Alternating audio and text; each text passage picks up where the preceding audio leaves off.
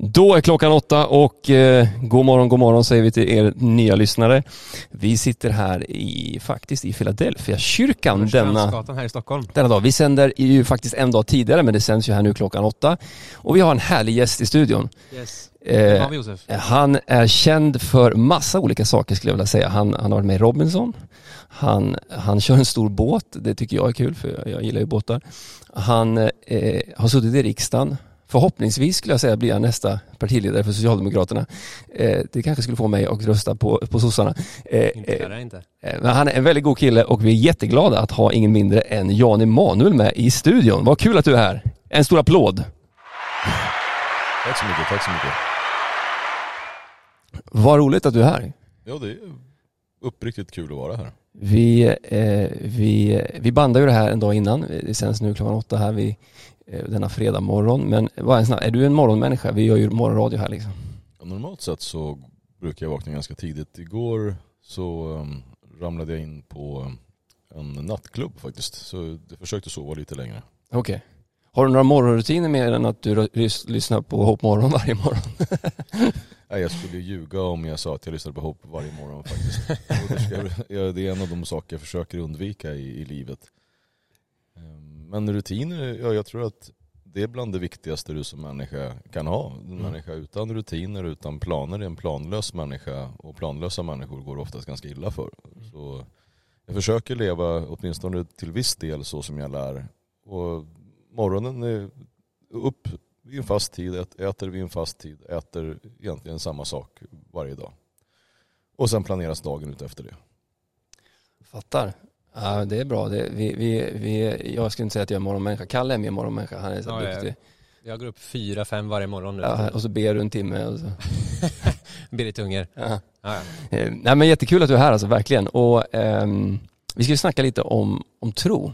Ber du på riktigt en timme varje morgon? Inte en riktigt timme, men jag går upp och ber varje morgon definitivt. Och kan be längre perioder definitivt. Vad innehåller en sån bön? Hur, hur bara så här, ungefär? Allt möjligt. Eh, Det beror lite på dels saker man går igenom i livet. Eh, Dels har jag precis gift mig för, vad blir det nu, en och en halv månad sedan. Eh, Så jag ber för min fru, jag ber för dagen som ligger framför. Nej, men hur ber du då? Vad, säger du så konkret? Nu, nu, låtsas nu att jag är din fru, du ber för mig. Hur, Ja, hon, hon- sover så hon vill inte bli väckt, så jag får be tyst för att göra det. Det är liksom Ja. grundpremissen. Ehm, och så, så ber jag liksom, Gud jag ber liksom, lägger den denna dag i dina händer. Jag ber här att jag ska få vara ditt, ditt, ditt verktyg för vad du vill göra denna dag. Jag ber att du ska välsigna mig och du ska välsigna mina nära och kära. Jag ber för min kyrka, min församling. Jag ber liksom för alla ungdomar som jag arbetar med i kyrkan. Ehm, och så ber jag sådana böner. Jag ber liksom att, att du ska hur fylla mig. ber du dem om och om igen liknande? Eller jag tänker om du ska hålla på längre än typ tre minuter så, så Nej, precis. Eh, Nu bara korta, kort, kort, kort, korta summerande. Um, för, för bön för mig åtminstone brukar det ofta vara att jag um, sätter in, pluggar in hörlurarna och lyssnar på lovsång och bara liksom, på ett sätt mediterar också. Så det är inte bara liksom, det är liksom upprepande om och om igen, Gud välsigna, välsigna, välsigna, utan det är, liksom, det är en blandning. Eh, och sen eftersom att jag liksom arbetar med ungdomar framförallt så, så eh, blir det också mycket liksom att jag har olika ungdomar på hjärtat när jag vaknar liksom, och vet vad de går igenom och då ber man in i deras situationer och det kan ta lite längre tid. Mm. Definitivt. Så det, Mm. Ja, det, är ju en, det är en konst på något sätt. Jag, jag, jag, jag ber ju förstås. Men eh, jag, jag har ju aldrig lyckats få den här dialogen som så många pratar om. Det är inte så att jag säger hej Gud, han bara hej hej, hur mår du då? Utan det är ju, jag ber. Ja. Och det gör jag ju för att jag får sinnesro i det. Jag Ja. ber oftast tacksamhetsbön och undviker att, att fråga om så mycket.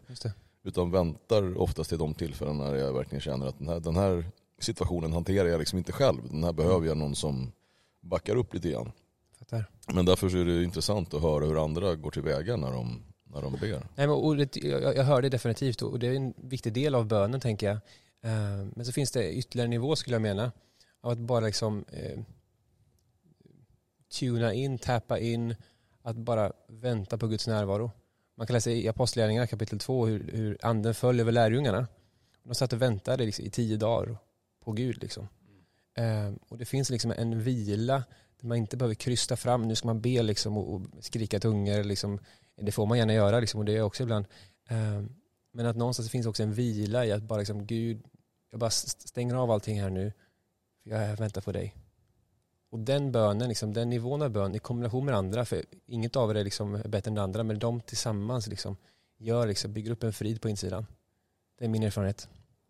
Mm. Ja, min med alltså. Det är bra. Det är intressant. Och, eh, jag, vet, jag tror att bön är, delvis är det ju att man liksom säger saker, men väldigt mycket är ju faktiskt att bara lyssna. Och bara ta sig tid och bara, Gud vad säger du och vad vill du tala till mig? Alltså. Ja då skulle jag förvänta i länge då kan jag säga. För mig, mig säger han ingenting på ett sånt sätt så som jag upplever att man säger. Däremot så har du ju en inre röst. Mm, precis, det är väl det jag talar med. Och den inre rösten skulle jag aldrig våga säga att det här är Herren som pratar för den inre rösten säger ju ofta åt en att göra saker som är minst sagt dåliga och mm. berättar saker för dig som också är dåliga. Yeah. Den som påstår sig inte ha en inre röst som ibland berättar för hur dålig du är tror jag far med osanning. Mm. Och att eh, jag skulle inte vilja att det var Gud som sa det, bara din sopa, hur dålig är du liksom. utan det är någonting helt annat, utan Exakt. det är snarare hos Gud jag försöker finna stöd i att brottas med den rösten. Ja, just det. Och, och som, som kristen så, så, så, tror jag att man, man har ju både liksom en, en röst ifrån sig själv då, som, som, som är jag, men sen eftersom Gud bor i oss, liksom, Bibeln talar om det, att, att vi, får, vi blir pånyttfödda, den heliga ande flyttar in i oss. Så jag menar att man har både en röst som där Gud pratar och där jag själv pratar. Och Bibeln pratar om det, att man ska så här, försöka urskilja vad som är ande och själ till exempel. Eh, så att man kan se vad som är Guds vilja. Ehm, för det är som du säger, all, all den, här, den här rösten man har inom sig är ju inte alltid positiv. positiv liksom. Men det finns också tror jag, liksom, den här visk, alltså där Gud faktiskt då manar med den här inre rösten. Jag skulle säga, när man pratar om kanske den heliga ande, vad, vad Gud vet höll jag på att säga. Så den här rösten som också berättar för dig att gör inte sådär. Mm. Som man oftast gör ändå då förstås. Men den inre rösten som ofta redan innan du gör något informerar om att det här kommer bli dåligt. Mm. Och ändå så gör man det. Mm. Och det står ju också i skriften att trots att, eh, jag tror att det är Matteus evangeliet så någonstans så står det jag vet vad som är, är rätt och jag gör det inte och jag vet vad som är fel och det gör jag. Och det, är ju en, det om någonting är ju att vara människa. Och det är där om också kampen står. Att försöka motstå den frestelsen för att du vet att det är en frestelse för din röst redan har sagt det åt dig. Mm. Visst är det så. Ah, drop the mic alltså. bra, bra predikat. Vi ska lyssna på uh, Where Do I Fit In med Justin Bieber och vi är alldeles strax tillbaka. Det var Justin Bieber med Where Do I Fit In och eh, vi har Jan Emanuel med oss i studion denna morgon. Eh, fast det är inte morgon för vi sänder från, eh, en dag innan här från Philadelphia kyrkan. Vi sitter på scenen eh, och vi snackar om bön. Eh, vi pratar lite om eh, den inre rösten. Mm. Brottningskampen mellan, som Bibeln kallar kött och ande. Eh, där anden inom oss liksom manar oss till gott medan köttet, vår vilja ibland i köttet att, att göra saker som är orätt och fel även om vi kanske innerst inne vet att det är fel. Men du, Jan Emanuel, eh, du, du, du pratar ju ganska ofta om din tro och sådär. Hur kom du fram till, eh, till, till det? Liksom? Hur fick du en tro på Jesus? Ja, jag kom ganska, ganska sent eh, i livet. Jag har ju ingen kristen bakgrund i familjen överhuvudtaget. Utan ganska uttalade ateister ifrån min morfars sida som snarare var lite, han var väldigt anti. Jag tror jag lyckades på hans dödsbädd nog, eh, ska man säga, få honom att ändå finna en, en tro i om att det finns ett, någonting efter döden.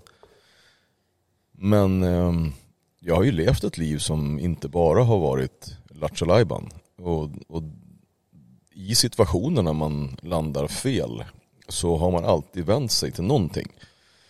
Och jag har som vuxen svårt att förstå det, det som är så svårt i att säga att man tror på någonting.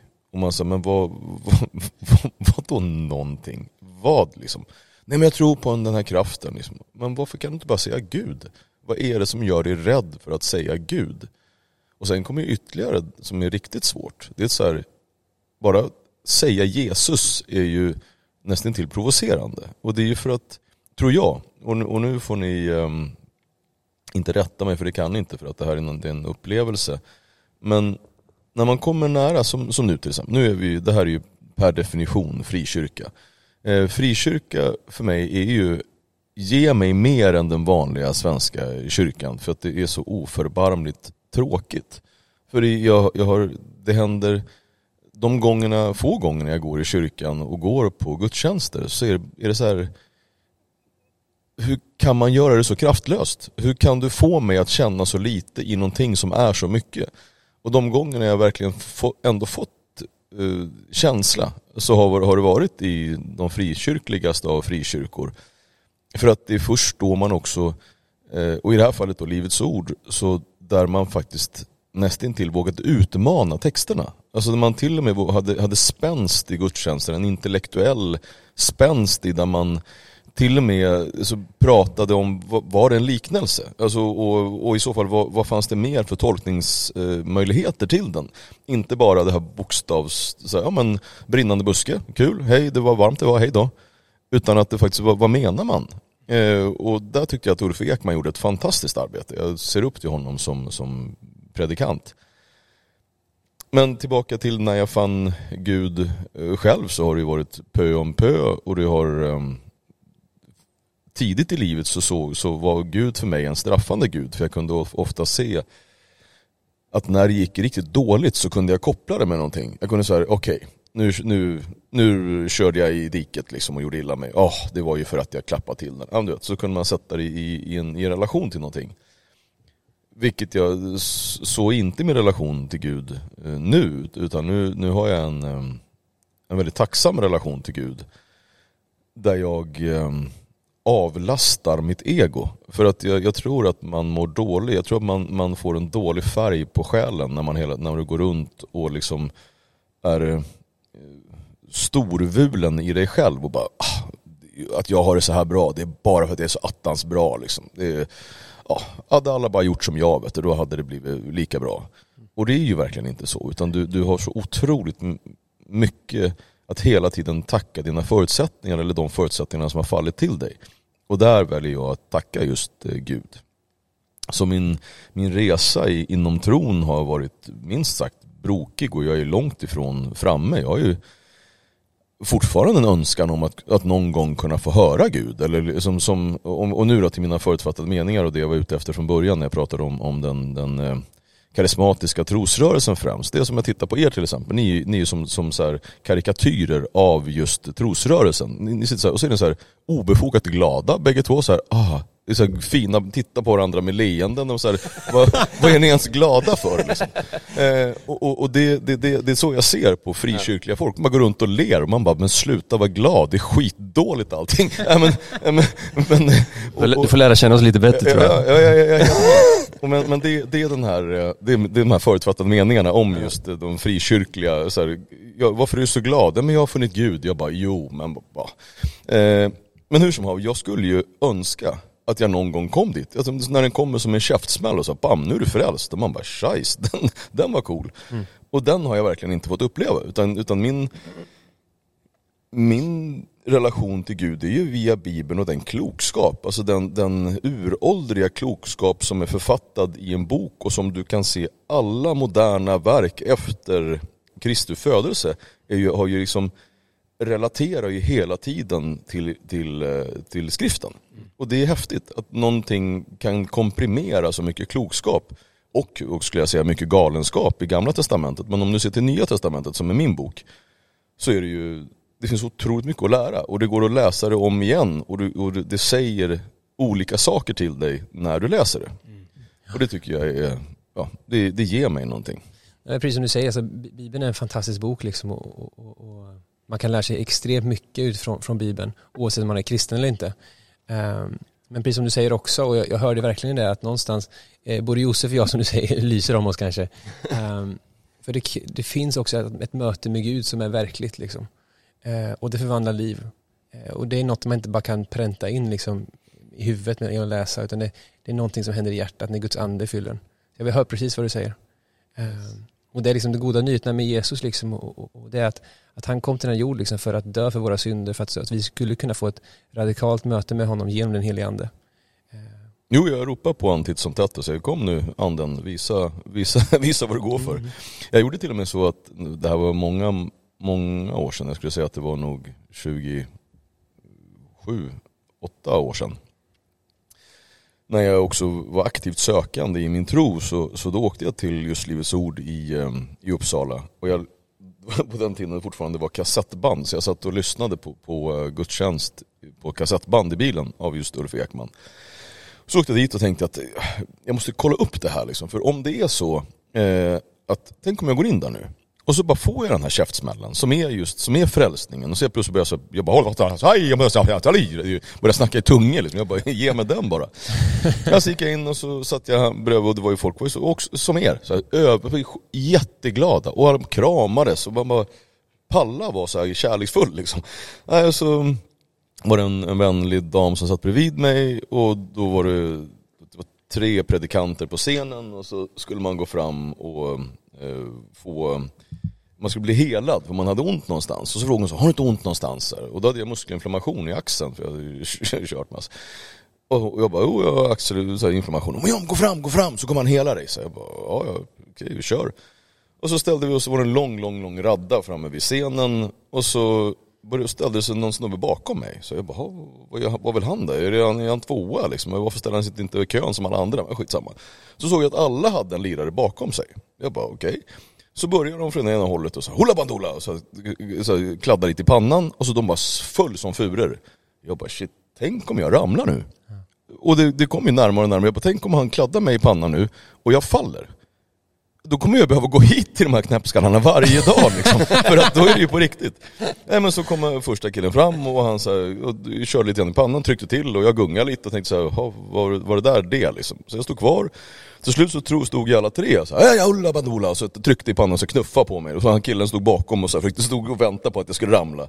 Vilket jag inte gjorde.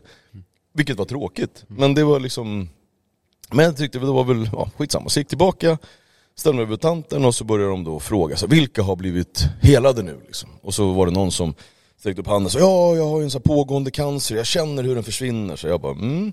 Och så var en annan snubbe, jag kommer verkligen ihåg hur han gav uttryck för det. Han bara, ja, för han var låghalt. Han bara, nu har mitt ben växt en bit till. Jag bara, men kom igen gud, varför kan du inte ge en hela benet på en gång? Varför, varför ska jag ge en en centimeter i taget för? Konstig idé liksom. Och så fortsatte det vara folk som räckte upp handen och var, var, blev liksom friska. Samtidigt så ser jag längst fram så står en man i så krampaktig bön. Och framför honom har han sin dotter som är så, så, så trasig så sugrörsblåsartrasig. Über-cp. Och när jag då också inser att den här församlingen tror på arvssynden så blev jag äcklad istället. För jag kunde liksom se hur, vilken gud skulle ge en person en centimeter till på hans ben medan hon sitter där. Det är inte så det funkar, det får inte vara så. Och då gick min nästan liksom eh, förkärlek till den här eh, glada kyrkan till att bli någonting annat. Och det var både sorgesamt och ja, jag vet inte vilka känslor man ska sätta på det. Så ja, jag tycker att det är, det är knepigt med eh, många delar när man tolkar skriften på sätt som jag har svårt för. Mm. Till exempel arvsynden. Alltså vem kom på den? Den är, den är så dum, hela idén. Ja, det vad har teologen att säga om detta? Teologen att säga? Eh, nej men jag eh, börjar med att jag hör precis vad du säger liksom. Och, och, det är en väldigt tur, för annars skulle du behöva be Gud om att, att fixa din hörsel. Exakt. Verkligen. Eh, men, men eh, jag, hör, jag hör precis vad du säger och det finns mycket saker i världen som man inte fattar liksom, varför, hur, hur går det här ihop liksom? Mm. Jag, jag må vara pastor liksom och Josef också pastor. Eh, det innebär inte att jag svar på allting liksom. Det är långt ifrån många gånger. Nej, jag, jag tror ju att det enkla svaret i det här är att han fick inte alls någon centimeter längre på sitt ben. Utan det är ett rent önsketänkande. Ska man mäta sitt ben så är det precis lika långt som, som innan. Och idén om arvsynden är helt enkelt fel. Alltså en god gud utdelar inte arvsynd. En god gud skulle aldrig någonsin hämnas på dina oskyldiga barn för att du har gjort något skit i ditt liv. Men, det funkar inte och, så. Nej, och det, det, tror inte jag heller. Det, det tror nog inte ens Livets Ord ska jag säga. Men... För, för, för, för Bibeln talar om, om vi pratar om arvsynd som lära så, så handlar det om hur man föds med liksom ett eh, man föds med en längtan till synd. Det är vad arvsyndsläran säger egentligen. Eh, men det du är ute efter... Och den är ju, den är, där kan vi nog, den som inte håller med om det skulle jag säga, ute och cyklar. Exakt, så, du tror på arvsynd gör du? Eh, Ja, om, om, i den definitionen av, av, att, av att vi alla föds till långt annat än goda varelser, Ja. så absolut. Ja, precis. Eh, Men det du är ute efter, och det är du helt rätt i, för du är helt rätt ute när du säger det, att Guds, eh, Bibeln säger i Gamla Testamentet att Gud straffar inte eh, barnen för fädernas synder. Eh, och det finns liksom inte en koppling på det sättet i arvsynd, eller i, i bemärkelsen arvsskuld. Att bara för min pappa gjorde något dumt så kommer jag straffas för det eller så. Jag tror nog att det finns, jag skulle säga så här, jag tror att inte att alla teole, teologer skulle ramla ut i samma eh, ställningstagande. Jag tror att det finns eh, de som skulle, det finns ju flera passusar som, som i Gamla Testamentet som är inne på eh, just vad den straffande guden och vad den straffande guden gör. Alltså det finns ju alltifrån att man liksom typ skär skär sönder människor och skickar kroppsdelarna i olika, olika delar för att det liksom manifestera att du ska nog inte vara otrogen. Mm. Till, eh, och, och det skulle jag säga, det är, ren, det är så gör inte Gud. Gud ber inte folk att, skära sönder folk och skicka dem. Det var, det var en dålig idé. Gud ber inte folk att gå runt, med, runt en mur för att sen gå in, in att slå allting som där inne lever med sitt svärd. Så gör man inte. För att de där stackars bebisarna och kattungarna där inne, de hade inte gjort något. Så gör inte Gud. Därför tycker jag att Gamla Testamentet är inte där man ska ta sin, sin utgång när man eh, ska finna Gud. För att den guden är ingen skön. Ja, Det blir problematiskt när man läser Gamla Testamentet, så är det ju. Och det är därför vi har Nya Testamentet, just för att det förklarar det och så här. Vi ska prata mer om det här, jag tycker det är väldigt intressant. Vi ska lyssna på Waymaker med Leland. Det var Waymaker med Leland. Vi har Jan Emanuel i studion och vi pratar om under och tecken, mirakler, varför Gud gör under i vissa lägen och inte andra. Eh, Men har du själv upplevt, eh, liksom, har du sett eh, under och tecken, mirakler, har du sett sådana saker? Jag skulle säga så här, vad är... Blev, blev du helad i axeln till exempel? Nej, det, den, det inte alls faktiskt. Nej, jag har aldrig... Jag tror vi ser mirakel varje dag, men det, det är knappast sådana mirakel som man, som man pratar om i kyrkan. Alltså de mirakel som jag skulle säga att vi har fått, eh, det är ju det oförklarbara hur ditt sinne fungerar. Alltså du är ju ett mirakel i den största gåvan som Gud har gett oss. Och jag skulle säga att den största gåvan som Gud har gett oss är förståndet att ifrågasätta. Att du inte bara så här att du inte bara läser en text och tänker att jaha, så här är det. Utan den gåvan var ju att du faktiskt, men, men kan det verkligen vara så? Och hur menas det egentligen? Eh, det är ett mirakel. Och det är, det är svårt att förklara liksom, vi kan se hur de olika synapserna i hjärnan, man kan mäta liksom hur eh, den synaptiska signaleringen går ifrån ett mottagande neuron och hur liksom de, det vi slarvigt kallar för glädjeämnen sticker iväg i hjärnan.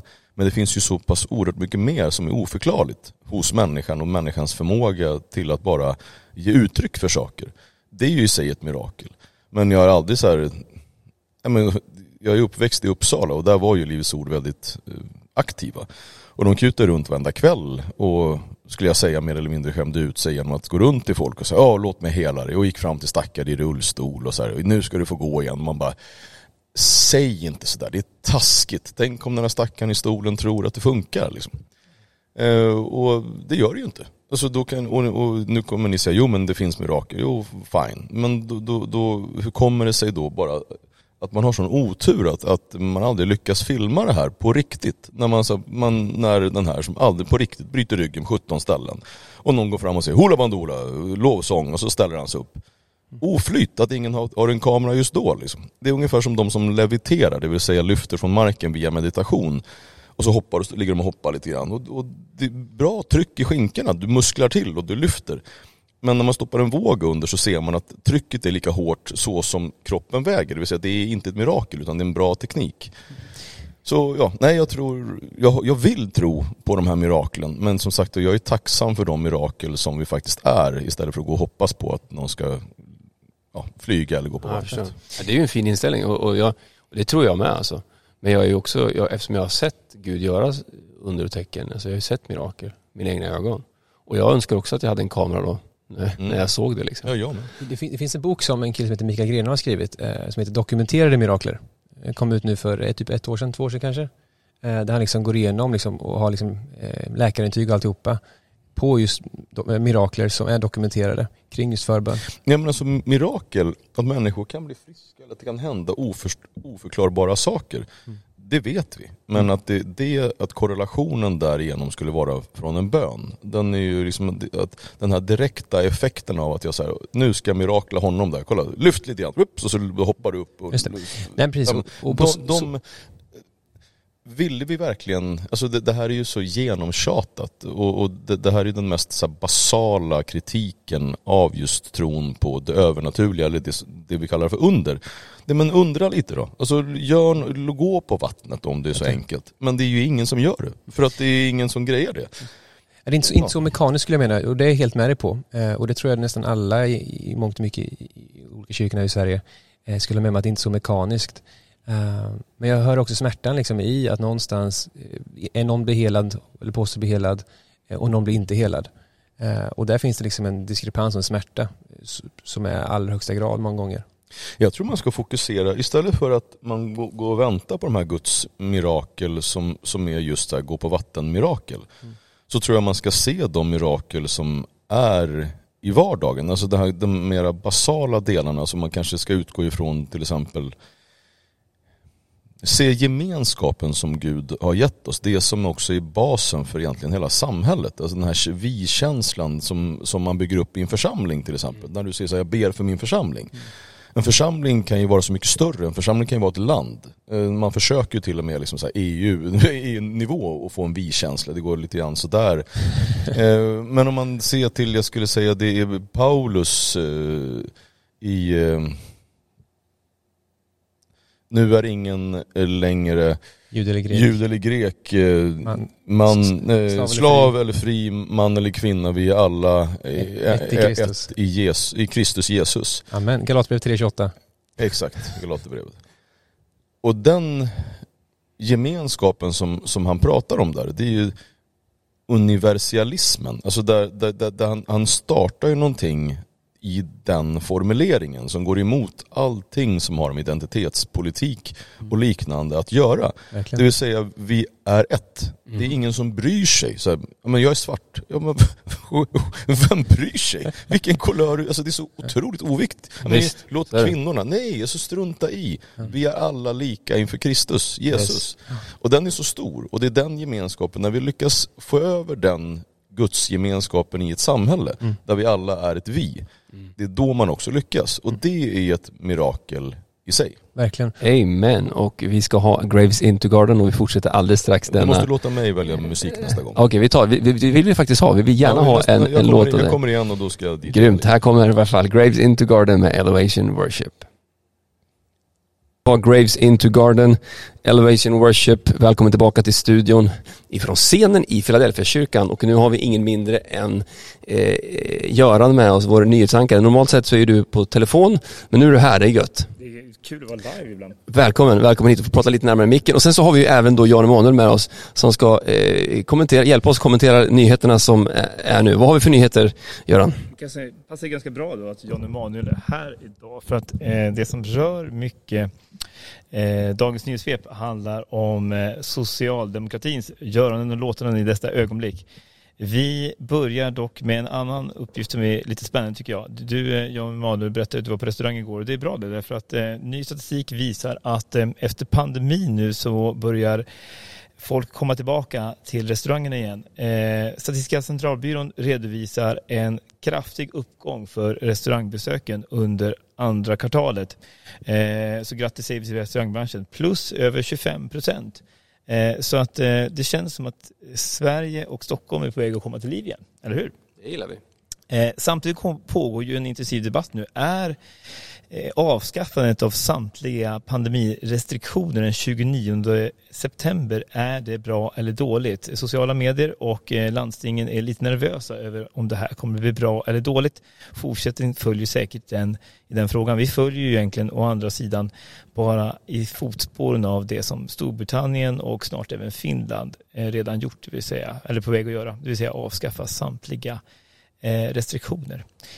Eh, igår meddelades också att eh, näringsminister Ibrahim Baylan, en gammal veteran inom socialdemokratin, han kommer också att avgå i höst, precis som Stefan Löfven tidigare meddelat. Så att nu väntar en del rockader kan man gissa inom regeringen och man vet ju inte heller om man eh, är orolig för en regeringskris.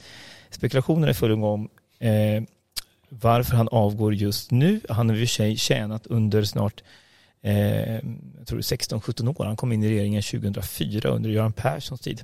Men eh, någonting är på gång. Och eh, eh till sist och så, vi brukar ju alltid köra en liten nyhetsfördjupning här på fredagar, eller hur eh, Kalle och Josef?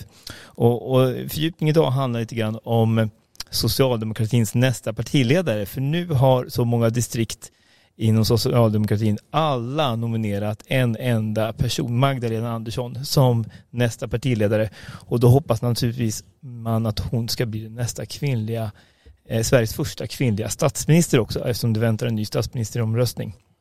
Då kommer hon in bakvägen.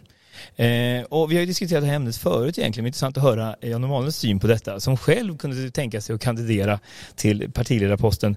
Eh, är det så att identitetspolitiken har eh, vunnit till slut? Eh, för grundkriterien verkade ju från början från socialdemokratin i det ögonblick Stefan Löfven avgick att det var tvunget att vara en kvinna. Eh, eh, allting annat verkade helt uteslutet. Så den här breda eh, förankringen och breda samtalet i socialdemokratin, den verkar ju ha försvunnit efter bara några veckor. För nu verkar det vara helt klart och alla pekar i samma riktning.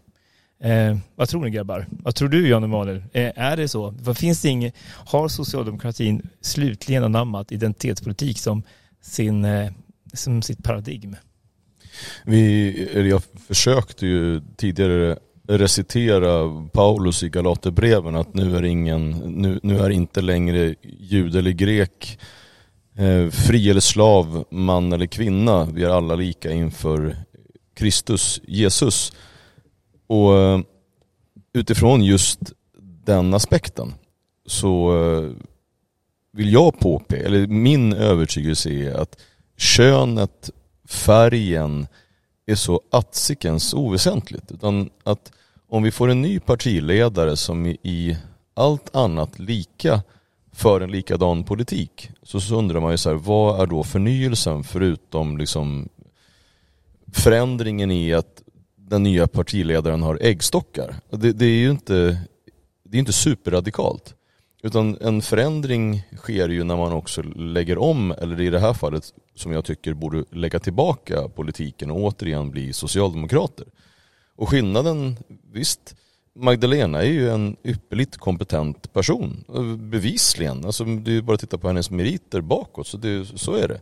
Men eh, socialdemokratin behöver någonting helt annat om man vill, som jag sa då, lägga tillbaka politiken och återigen bli socialdemokrater och finna tillbaka till det vi faktiskt i grunden är, det vill säga ett arbetarparti där man företräder den vanliga människan. Eh, svensk politik har ju de sista åren fått en enorm könsklyfta. Känner du till det? det, det, det och social, hos socialdemokratiska väljare är, så är den störst bland alla partier. Och de har eh, Sverigedemokraterna som sin motpol. Det är inget parti som har fler kvinnliga väljare i relation till manliga väljare än socialdemokratin. Hur, hur, hur ser du på det? Det, det här är ju, det här finns det en pågående diskussion, du som ändå har lite inside från socialdemokratin, om vad man ska göra åt den här enorma könsklyft, eh, könsklyftan, framförallt bland unga män, där Sverigedemokraterna är överlägset största parti numera? Ett, så, så vad är problemet om, om det nu skulle vara 100% män eller 100% kvinnor åt ena eller andra hållet? Men två, så ska man nog titta mer än till könet. Jag tror man ska titta på demografi, man ska titta på eh, socioekonomisk position i, i samhället och de kvinnorna som då är, alltså, som av större del röstar på Socialdemokraterna är kvinnor inom offentlig sektor i brist på annat. För att de, de hoppas fortfarande på att, de, att sossarna ska vara deras parti. För att politik är att man går till det partiet som man tror ska företräda dess intressen.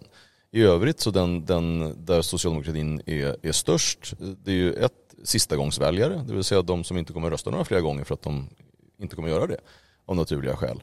Och sen så har vi också de personerna som är i beroendeställning av samhället för sin försörjning. Det är en växande och en, en stor grupp. Eh, så, så där är det som också kommer göra att socialdemokratin inte kommer göra ett katastrofval trots att vi förtjänar det i kommande val. Att man hos till exempel Sverigedemokraterna då har en stor väljarkår bland, eh, bland män. Det är ju för att, att de klassiska arbetaryrkena, Eh, när man ser till det här klassiskt klassiska, när man jobbar med händerna, du går på en ställning där du kan ramla och ha ihjäl dig själv på jobbet, ja där är det mest karar. Och det är också de som har hamnat mest i, i ja, jag ska inte säga mer än kvinnor inom, i vårdsektorn eller andra slitsamma yrken, men de som också är glömda av socialdemokratin. De som så uppenbart känner att, att jag företräds inte längre. Och var ska de ta vägen? Vadå, ska de gå till Folkpartiet eller? Liksom det, det är inte, utan då tittar man ju efter de som härmar socialdemokratin bäst. Och där har Sverigedemokraterna alltså på, ett, på ett skickligt men fräckt sätt bara tagit över saker ifrån det klassiska socialdemokratiska och döpt om det. I, i två meningar. Eh, jag har en nära släkting, han har gått ut, precis gått ut gymnasiet, fordonsteknisk linje. Han berättade för mig i en medelstor svensk stad att i hans klass så röstade i princip alla på Sverigedemokraterna. Eh, de som fick rösta utav förstagångsväljare, sista års gymnasister. Vad, vad ska, en eller två meningar, socialdemokratin göra för att vinna tillbaka detta? För detta är, borde ju vara kärnan av socialdemokratin. Arbetar, yrken, LO-kollektiv, yrkesarbetande män. Tre meningar kan du glömma. Men eh, så här. Eh, vi pratade tidigare om gemenskapen in, in i, i, Jesus Kristus, den, det som man kan finna i församlingen, men det man också kan, kan finna i samhället. När du inte känner en vi-känsla i samhället, utan du känner att du är utanför, då känner du heller ingen, ingen lust att bidra.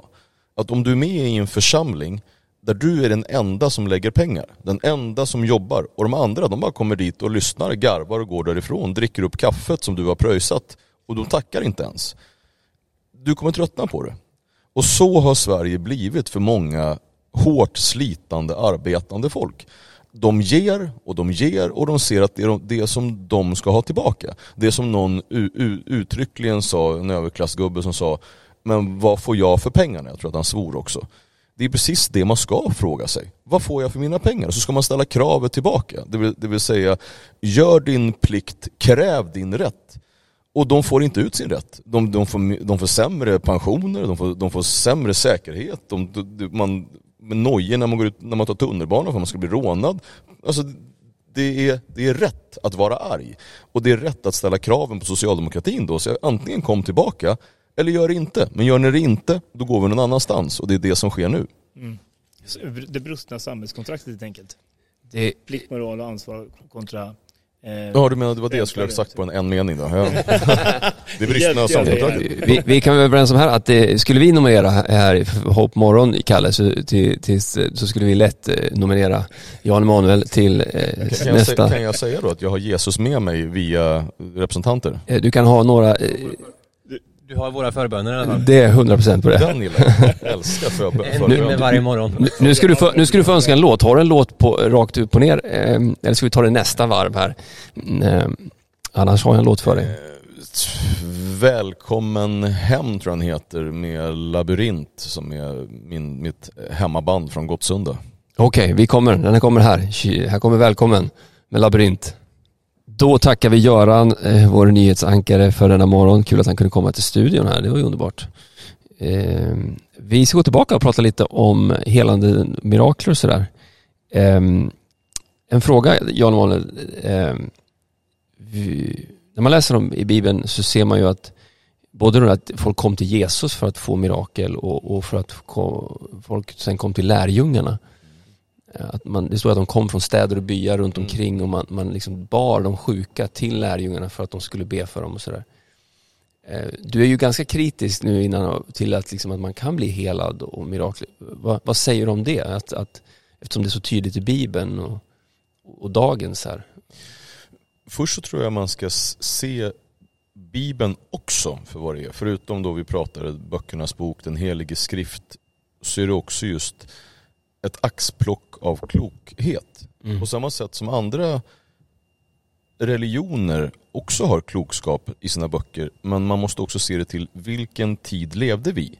Kunde man förklara allting med forskning och vetenskap? Nej, för forskning och vetenskapen fanns inte.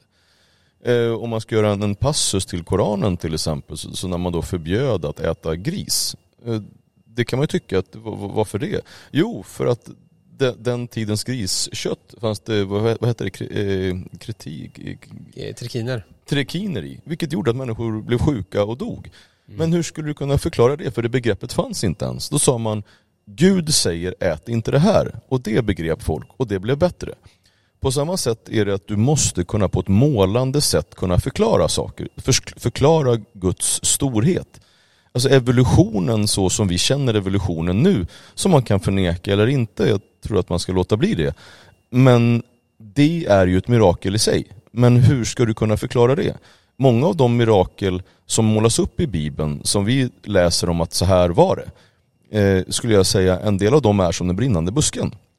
Jag tror inte alltid att den brinnande busken var en brinnande buske, utan det var också en metafor, det var en, en, en, en bild man målar upp för att kunna få nå förståelse hos människor. Sen så, kan, så, finns det ju alltid människor som har kunnat hjälpa människor på olika sätt. Att Jesus var någonting fantastiskt, det tror jag inte man kan säga någonting om. Sen hur han helade, hur det här gick till, ja må så vara, för mig spelar det inte så stor roll. För att det är ändå stort. Om man ska se till det här fantastiska som jag, som, som jag är avundsjuk hos er. Alltså det måste jag säga, jag är verkligen avundsjuk för den eh, tron som ni har på, på, på mirakel och, och, ni kan prata tungor och de här grejerna. Men det är nästan lite bibliskt bara i det om man ser till så här som åt de som har skall vara givet men åt de som inte har skall även det de har tas ifrån dem. Och så är det ju också någonstans i tron. Det känns som att ni kan säga, åh, jag tror på det också, det här kan jag också. Medan jag ska säga, om jag ska representera de som inte har fått den relationen till Gud, jag blir lite, så här, lite avis. Man kan inte, jag vill också snacka tungor, jag vill också få den här dialogen. Jag vill också kunna sätta mig och vänta på att Gud ska vända sig till mig och säga någon klokskap. Jag kan, jag kan, sitta, jag kan, säga, jag kan sitta och vänta. Det, ja. Jag väntar, ungefär så. Och, och, vi tror ju att du kan få uppleva det. Ja, kör bara. Alltså, ingen är tacksammare än mig när jag får en ja, jag, som sagt, jag går mina dagar och, hoppas och väntar på att det, det ska komma. Men det, det, i sig, det är inte ett krav. Mm. Det är mm. inte så att jag säger Gud visa dig, gör, ge det här till mig, för jag har min tro som jag är tacksam över. Jag, och jag har min, min tacksamhet inför Jesus, Jesus och, och det, det sättet som han levde sitt liv för att få mig att kunna härma, att göra lika. Det är därför vi har föredömen. Eh, jag tackar inte Jesus för att han gav sitt liv för våra synder, utan jag tackar Jesus för det han gjorde i sitt liv som gör att jag får lättare att leva mitt liv, för jag har någon att härma. What would Jesus done? Wow, what would Jesus do? Ja, det, det lever vi efter och, och Ja det skulle jag säga att vi inte gör. Men, vi, men jag hoppas på vi att försöker. Många, många av oss ja, försöker. Ja. Eh, precis, och det, det, är därför vi läser om Jesus och det är därför vi tror att, att sånt här samtal är väldigt viktigt. Eh, oavsett vilken, vilken liksom angle man kommer ifrån någonstans, är att säga, okay, hur, hur, kan man, hur kan man lära sig om Jesus och se på Jesus och, och, och, och följa hans föredöme liksom. Um, och, och, här, och här tror vi ju både att han, eller jag tror ju liksom både att han, eh, han är ett föredöme för den som, för den som inte tror på, att, på hans gudomlighet. Men sen så tror jag ju såklart att på grund av att han liksom det är utifrån det som jag har fått uppleva Gud och sett de här under och tecken och miraklerna. För att jag satte min tro till det och började söka det, liksom att Gud har tagit min synd då, eller att Gud har gjort, att han var mer än en människa och sådär. Men just så här, ponera att eh, det var ett par änglar som flyttade, flyttade bort eh, stenen så att Jesus kunde komma ut ifrån graven och så återuppstod från de döda. Ja. Ponera att det var fejk. Att det var två snubbar som knuffade omkull stenen, snodde liket och drog. Mm.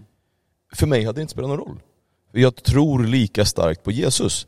Alltså det, det, är inte miraklen som gör att jag tror, utan det är ju Jesus så som han beskrivs i det nya testamentet. Även om han hade varit dödlig så, så är det fortfarande för mig, det, för mig är det Guds son och som, och som gav, sen så tror jag inte det minsta på att det, var, att det inte föranledde någon kopulation i, in, inför eh, hans födsel.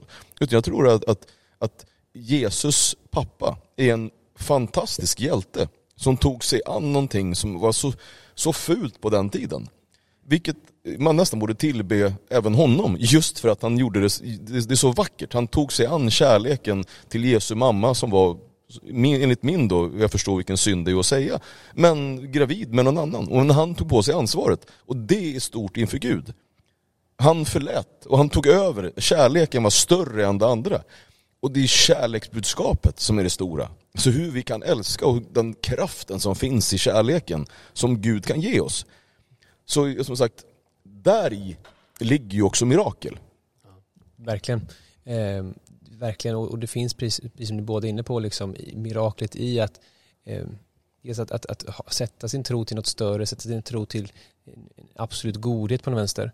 Eh, men också den absoluta godheten, Jesus personifierad då, eh, är också ett absolut när det kommer till sanning. Eh, det, det är min tro att eh, de, de klä, om Jesus är sann, om liksom, antingen är han galen, rakt upp och ner, inte på galen, och bara påstår man saker, för han claimar rätt mycket grejer. Eller så liksom eh, talar han sanning. Det är antingen eller. Och i det så tror jag att det ligger, eh, precis det du säger, att dels han är en god morallärare och allting, och det säger hans lärjungar. Eh, han är också mycket mer, han är, precis som du säger, också Guds son. Eh, det är min fulla övertygelse. Och det absoluta påståendet att han är Guds son med allt vad det innebär utifrån vad, vad Bibeln säger, både i Gamla testamentets profetior och också Nya testamentets uppenbarelse, eh, så finns det ytterligare nivåer skulle jag mena av befrielse från människan. Eh, inte bara, även om det är superviktigt, precis som du säger, eh, människans eh, man får ett ideal, man får ett mål att leva efter. Men också någon som kan upprätta det djupt trasiga som arvsynden. Alltså det här liksom alla är trasiga sen pajar sen början mer eller mindre. Mm. Ehm, och Gud kan tvätta det rent och faktiskt upprätta helt och, helt upp, äh, upprätta helt och hållet egentligen. Och bana en väg till Fadern i himlen. Vi ska fortsätta eh, detta samtal men här kommer en låt med Hurricane med eh, en, eh, en annan kändis som tror på Jesus, Kanye West. Det var Kanye West med eh, Hurricane från hans nya album Donda. Eh, vi pratar, eh, vad pratar vi om Kalle? Vi pratar allt möjligt, vi pratar om Jesus, vi pratar tro, vi pratar Bibeln, vi pratar lite politik precis innan också. Yes, och vi har Jan Emanuel med oss i studion, det är väldigt kul. Uh, va, hjälp mig, vad hittar tråden här nu? Va, det, va, vi snackade, precis innan låten här så pratade vi om Vi pratar om Jesus, Jesus person, dels vad han claimar själv, hur, hur vi betraktar honom, vilka nivåer vi betraktar honom. Uh, eller vad säger du Jan Emanuel? Vad, du, du, du sa att um, det står emellan eh, galenskapen eller, eller sanningen. Mm. Jesu, Jesu påstående. Ja, ja. Och, och jag, jag, tror att när det kommer till Jesus, så när man pratar om den absoluta sanningen, så den absoluta sanningen eh, finner vi ju genom våran tro på att det är just den absoluta sanningen och det gör oss starka i oss själva. För vi behöver moraliska rättesnören. Vi behöver någonting att gå efter. Som vi pratade från början, den planlösa människan är den olyckliga människan och mm. det helvetet som jag tror på, det skapar vi ju för oss själva här på jorden. Genom att vara den planlösa som går runt där och mår dåligt. Och där kan, där kan tron i sig hjälpa dig till rätta.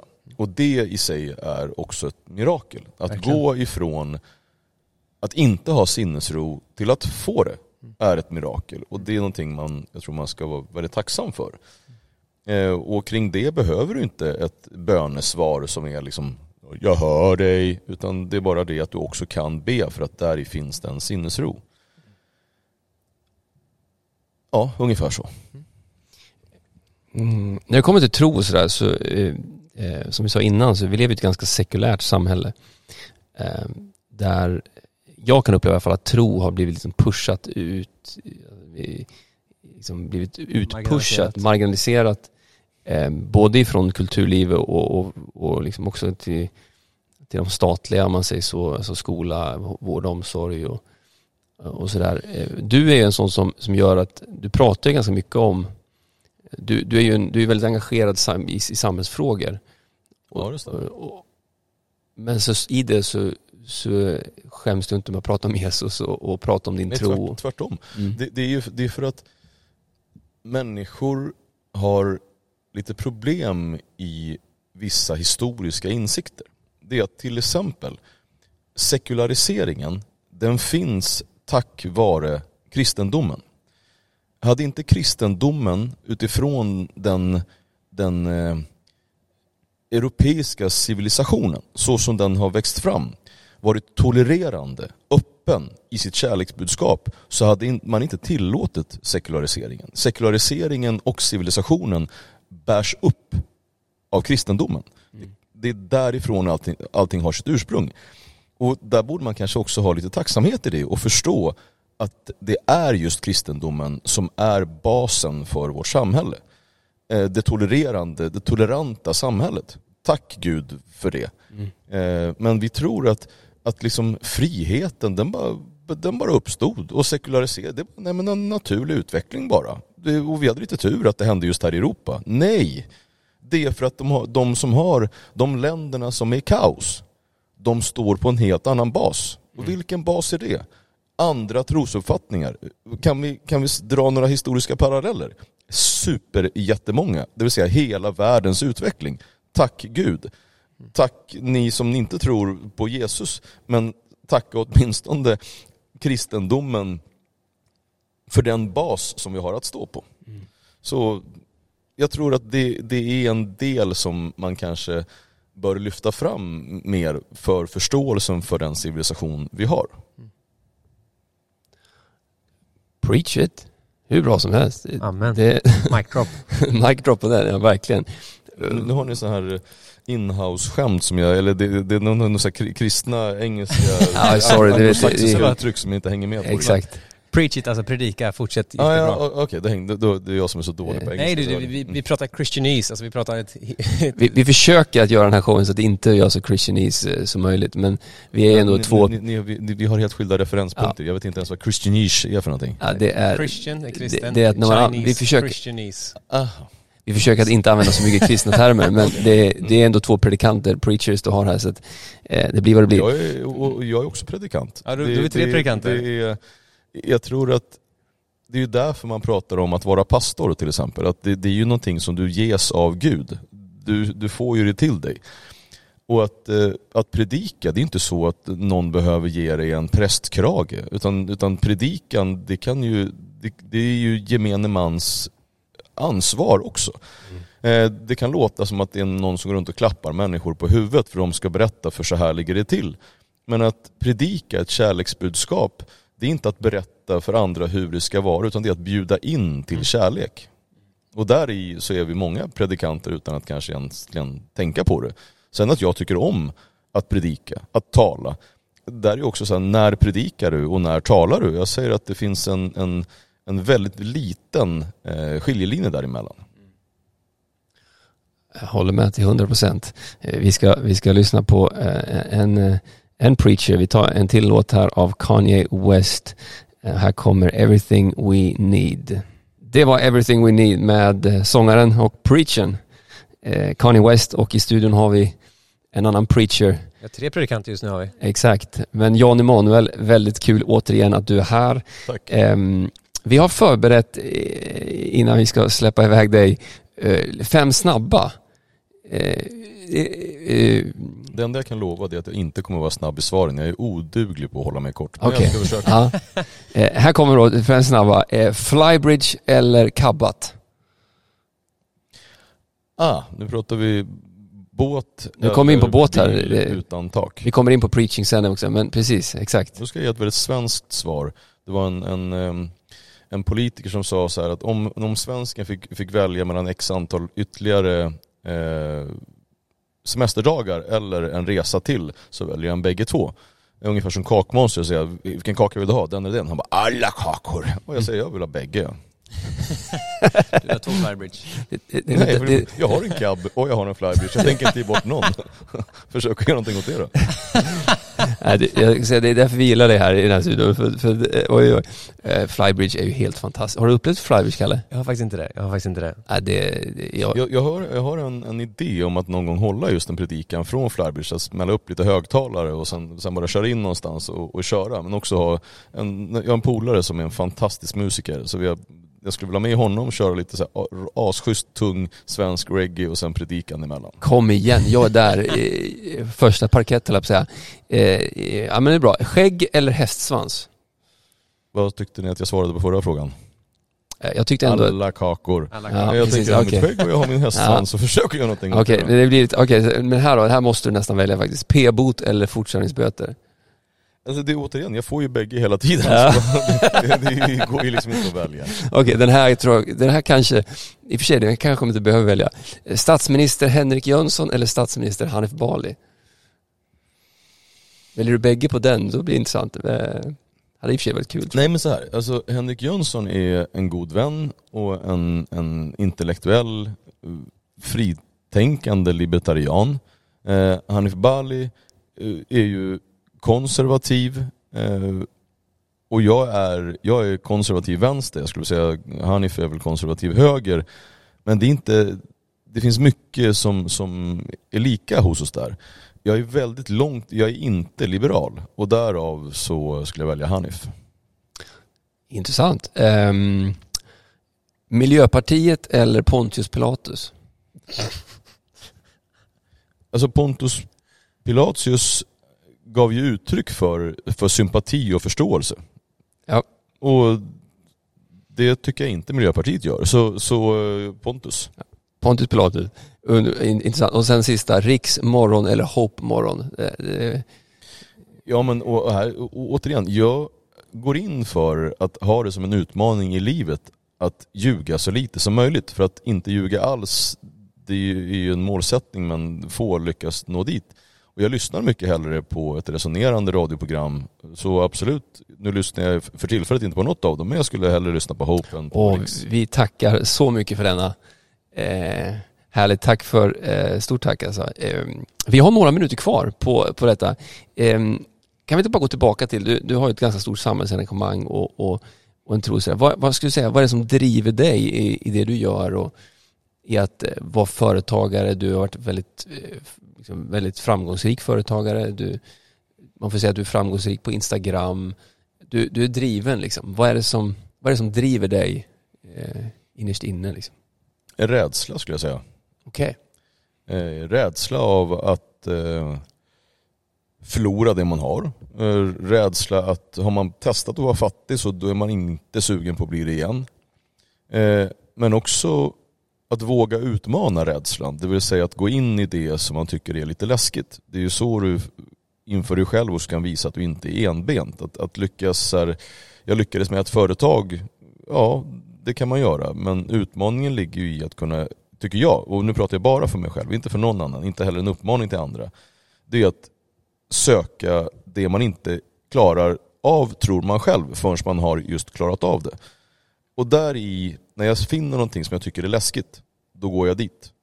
Och det kan bli pannkaka, men, men det är att konfrontera dina rädslor genom att komma igenom dem. Det är kognitivt klokt och ett, eh, för mig, sätt att leva. Min upplevelse är... Och nu vill jag bara säga, när jag säger kognitivt så är det inte, inte rörelsemönster utan för så här, kognitiv beteendeterapi har ju sin bas i att du, ponera att du till exempel är hissfobiker. Hur botar man en hissfobiker? Man kan be till Gud, och kan fungera, eh, inte för alla.